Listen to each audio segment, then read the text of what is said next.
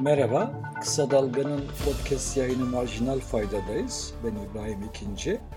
Bu haftaki yayında da size biraz dünya gelişmelerinden e, bahsedeceğim. Biraz da Türkiye'deki gelişmelerden konuşacağız.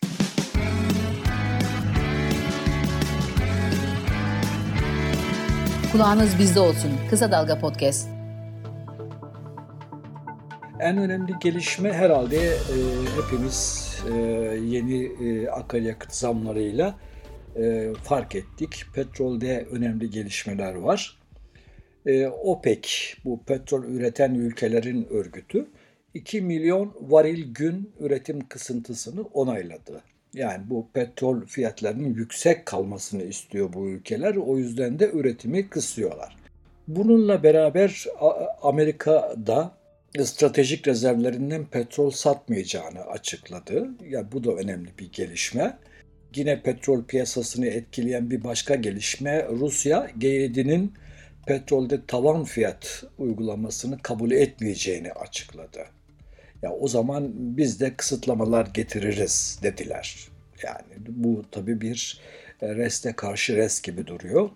Ee, Avrupa Birliği de e, doğalgazı ortak alımla biraz ve tavan fiyat uygulayarak hani Avrupa'da bir enerji krizi var biliyorsunuz. Rusya'ya bağımlılıktan kaynaklanan ve fiyatlardaki yükselişten kaynaklanan bir sıkıntı. E, onu önlemeye çalışıyorlar. Mesela Brent petrolde son bir hafta içerisinde %7'ye yakın bir artış oldu bu gelişmelerin sonucu olarak. Bazı analizlere göre de yeniden 110 dolara yani petrolün varil fiyatının 110 dolara e, gidebileceği konuşuluyor. Türkiye'de de biz bunu e, başında da söylediğim gibi akaryakıt fiyatlarına yapılan zamlarla gördük. Son birkaç gün içerisinde arka arkaya 3 kez zam geldi. Motorunun fiyatı 27 lirayı buldu yeniden. Şimdi birinci gelişme bu. Bu hem tüketiciler olarak bizim kesemizi çok ilgilendiriyor. Hem de memleketin genelini ilgilendiriyor. Çünkü Türkiye de enerji bağımlısı, ithalat bağımlısı bir ülke. E, ithalat yapacak ve tabii ki burada e, karşımıza çıkan fatura da artacak gibi duruyor. Bu arada e, dünyada başka önemli gelişmeler de var.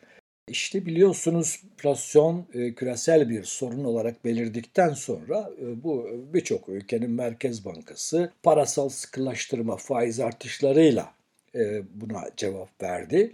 Şimdi tabii bunu en başta Amerikan Merkez Bankası Fed yaptı ve haliyle dolar güçlendi. Bütün dünya paralarına karşı da güçlendi. Birinci e, şey dünyada küresel açıdan bakıldığında birinci gelişme bu. Dolar endeksinin yükselmesi, doların değer kazanması.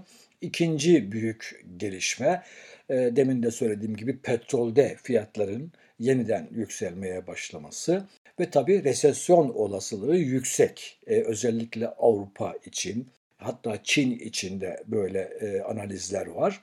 Amerika için de var ama Amerika için daha düşük bir risk olarak söyleniyor. Şimdi dolayısıyla bu dolar endeksindeki yükselmeye karşı verilen tepkiler var. Birçok ülkede merkez bankaları sadece enflasyona karşı değil aynı zamanda ulusal paralarının dolara karşı da değerini korumak için faiz artışlarına gidiyorlar. Böyle bir gelişmede söz konusu. Avrupa Birliği için iki büyük bankanın adı geçiyor. Bu iki büyük bankanın sallantıda olduğu bir finans krizinin yakın olduğu söyleniyor.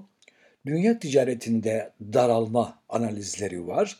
E, OECD, IMF gibi küresel e, kuruluşların biliyorsunuz e, sık sık analizleri yayınlanır. Bunların hepsinde hemen hemen bir resesyon riskine dikkat çekiliyor ve dünya milli hasılasında da bir küçülmeye dikkat çekiliyor. Bu arada Morgan Stanley'in ekonomisti, kıdemli stratejisti Michael Wilson'un ilginç bir analizine rastladım. Onu sizinle paylaşmak isterim. Şöyle diyor, geçmişte dolarda yaşanan benzer ralliler finansal veya ekonomik krizlerle sonuçlandı. Fed'in agresif faiz artışı döngüsüyle dolar bu sene birçok para birimi karşısında değer kazandı. Euro dolar karşısında 2002'den beri en düşük seviyeye geriledi. Dolar endeksi yıl başından bu yana %19 yükselirken ABD borsaları %23 geriledi. 2008 küresel finansal krizi, 2021 borç krizi ve 2000'deki dotcom balonuna atıfta bulunuyor e, Wilson ve diyor ki tarihsel olarak bakıldığında dolardaki yükseliş genelde ekonomik, finansal krizlerle sonuçlanır.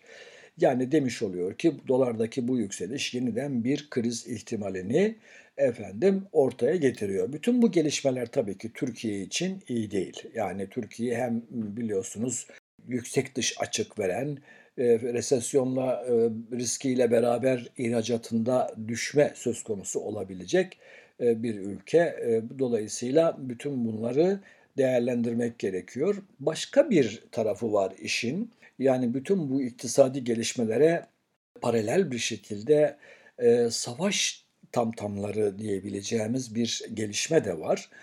E, biliyorsunuz özellikle Rusya'nın Ukrayna'yı işgalinden sonra bu ihtimal e, biraz e, belirdi ve güçleniyor. Ama tabii ki en nihayetinde aslında e, dünya iki e, bloka ayrılmış gibi gözüküyor. Bir tarafında Çin var, bir tarafında ABD var. Bu iki büyük ülkenin patronajında e, şeyler, karşılıklı resleşmeler, ticaret savaşları, efendim itiş kakış devam ediyor. Bu işte yeni bir e, haber, haber. Ukrayna Kırım Köprüsü'nü e, havaya uçurdu iddiaları var. Köprünün havaya uçtuğu doğru da Ukrayna tarafından yapıldığı e, konusu henüz iddia. Ama bu çok önemli. Tabii Rusya'nın e, Kırım'ı işgalini sembolize eden 19 kilometrelik yine Kırım'ı Rusya'ya bağlayan bir köprü bu. Bu tabii çok hani tansiyonu artıran bir gelişme. Biliyorsunuz son günlerde Putin nükleer silah tehdidinde bulunuyor. Efendim e, ABD Başkanı Biden işte Armageddon uyarısı yapıyor, bir kıyamet savaşı uyarısı yapıyor. Efendim dünyada e, velhasıl e, emperyalist, popülist liderlerin yarattığı bir hırçın güç savaşı cepheleşmeyi artırıyor, tehditlerin artırıyor. Böyle bir gelişme var.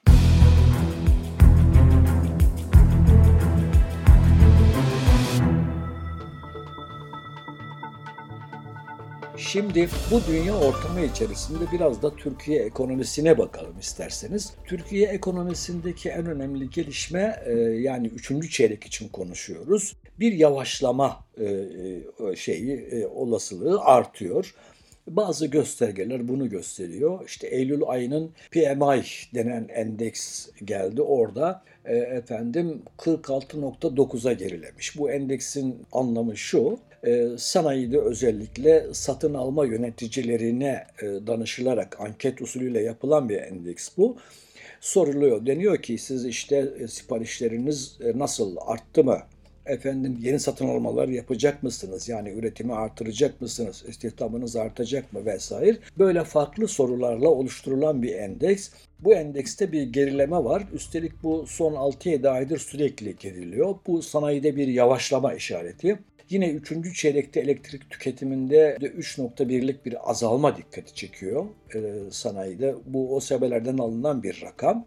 Dolayısıyla burada da bir yavaşlama e, riski ortaya çıktığı anlaşılıyor. Daha önce geçtiğimiz Temmuz ayında açıklanan sanayi üretiminde düşüş, perakende de düşüş, ciro endeksinde düşüş de e, bu e, bunları destekliyor. Bir yavaşlama söz konusu. Hatta Türkiye için dördüncü çeyrekte bir daralma ihtimali bile söz konusu deniyor. Efendim bu arada tabi biliyorsunuz hükümet seçime doğru büyüme istediği için kredi kanallarını açmak istiyor. İşte bazı kredi paketleri hazırlığı var. Bunlar tabii ne kadar tersine çevirecek bu yavaşlama riskini henüz bilemiyoruz. Bunları göreceğiz.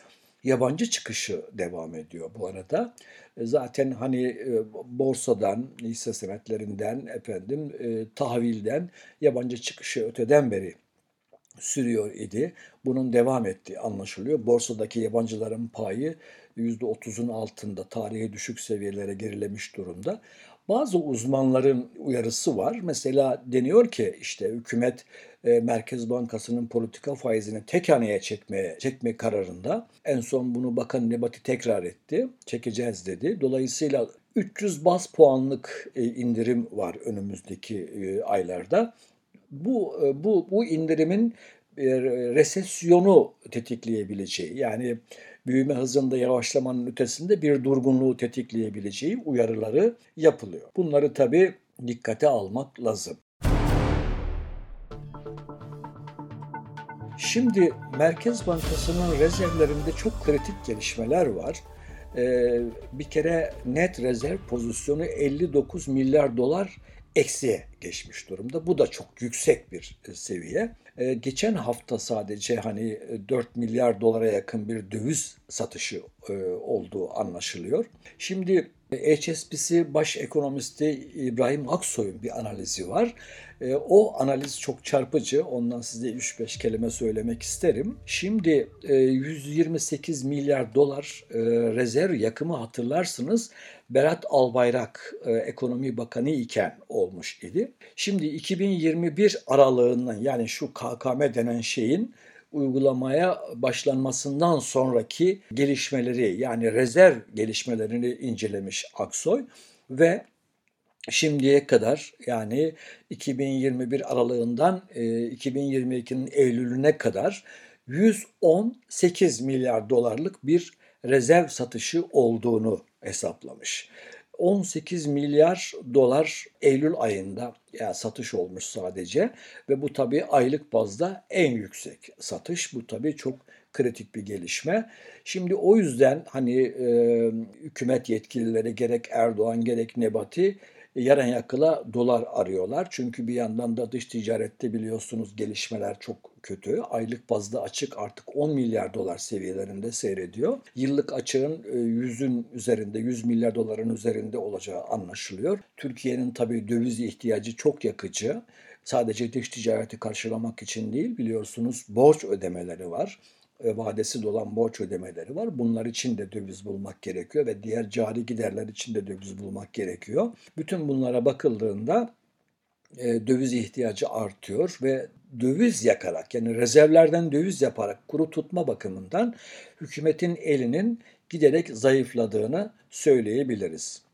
Bu arada yine e, dikkatimi çeken kritik bir gelişmeyi sizinle paylaşmak isterim.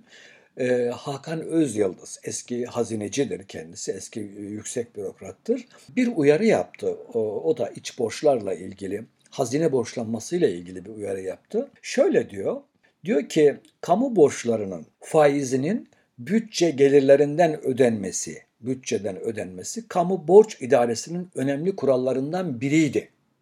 Yani faizler bütçeden ödenir. Nitekim bütçe açıklandığında biz faiz giderlerini oradan görebiliyoruz. Ana para ise bütçe fazlası verilerek. Eğer bütçe fazlası yetmiyorsa da ana para kadar yeniden borçlanılarak ödenirdi. Fakat Ekim ayında durum biraz değişmiş gözüküyor. Öz Yıldız diyor ki Ekim ayında iç ve dış borçlar için 11.7 milyar TL ana para, 61.2 milyar TL faiz ödemesi yapılacak faizlerin ana paraya ne kadar geçtiğine dikkatinizi çekerim. Ve tabii bu aylık ödemelerde tarihi bir rekor aynı zamanda. Şimdi diyor buna karşılık 62 milyar TL yeniden borçlanma yapılacağı anlaşılıyor. Çünkü hazine biliyorsunuz borçlanma programını açıklıyor. Oradan görüyor 62 milyar TL ve buna dayanarak diyor ki Diğer bir deyimle faiz ödemek için bile borç alınacak. Eğer nasıl olsa reel faizler negatif diyerek böyle devam ederse faiz ödemek için yeniden borçlanmanın sonuçları ağır olabilir. Velhasıl e, gerek Merkez Bankası tarafında, gerek bütçe tarafında, gerek hazine tarafında bütün göstergelerin sert şekilde bozulmaya devam ettiğini izliyoruz. Yine sizinle bu hafta paylaşmak istediğim bir konu daha var. Benim sıkı takip ettiğim e, piyasa uzmanı İris Cibre paylaştı. Şimdi biliyorsunuz bu borsa skandalından, büyük borsa skandalından sonra banka hisselerinde bir e, düşüş, sert bir düşüş olmuştu ve tabii ki işte e, açığa satışla, kaldıraç satışlarla filan sıkıntıya düşen aracı kurumlar kurtarılmıştı. Bunları paylaşmış idik sizinle. Şimdi birdenbire Halk Bankası hisselerinde %6 e, bir yükseliş oluyor tekrar. E, İris Cibre e, bunu paylaşıyor. Ne oldu filan diye bakarken şöyle diyor. Halk Banka ABD Anayasa Mahkemesi'nde cezai dokunulmazlık için duruşma hakkı tanınmış. Birileri yine haberi önden almış. Biz de bankacılık neden %6 yaptı diye sorup duruyoruz saf saf. Diyor ki burada insider var arkadaş. BOFA, Bank of America sabahtan beri banka hissesi alıyordu. Insider'ı her yerde yani içeriden bilgi alarak, önceden bilgi alarak borsada yatırım yapmayı kastediyor. Bu yüzden tüm dünyada bunun için kanunlar var ve sıkı sıkı uygulanıyor bu kanunlar. Bizde neredeyse insider artık serbest. Bütün piyasayı sarmış durumda. Yani Halkbank'a efendim dokunulmazlık için duruşma hakkı tanınması bilgisini birileri yine önceden almışlar ve banka hisselerinde alım yapmışlar. Velhasıl bu insider belasından memleket bir türlü kurtulamıyor. Bu arada bir uyarı da S&P'den geldi bankalara. Onu da sizinle paylaşmak isterim. Ee, biliyorsunuz S&P Türkiye'nin kredi notunu düşürmüştü. Arkasından da bankalara bir uyarı yaptı. Uyarıda deniyor ki siz hani krediler veriyorsunuz. Yüksek yüksek e, seviyelere erişmiş konut alımlarını finanse ediyorsunuz. Ama bu konut alımlarında bir düşüş e, olursa e, bu konutları e, teminat aldığınız için teminatlarınız zayıflar. Bir finansal kriz söz konusu olabilir. Dikkatli olun diyor. Bu da önemli. Bunu da paylaşmak istedim. Çünkü biliyorsunuz memlekette konut fiyatlarında olağanüstü artışlar var. Bankalarda bu, bu paraları, bu fiyatlardan konut alımlarını finanse ediyorlar ve bu fiyatları baz alarak bu konutları teminat alıyorlar. Ama o, tem, o konutların fiyatları eğer birden bir düşüş yaşarsa tabii ki bankacılık sektöründe büyük bir teminat aşınması söz konusu olur. O zaman da konut alıcılarını çağır, ek teminatları iste vesaire gibi sıkıntılar yaşarız. Bu haftalıkta bu kadar. Kendinize iyi bakın. Haftaya tekrar görüşür. Memleketteki gelişmeleri tartışırız. Hoşçakalın.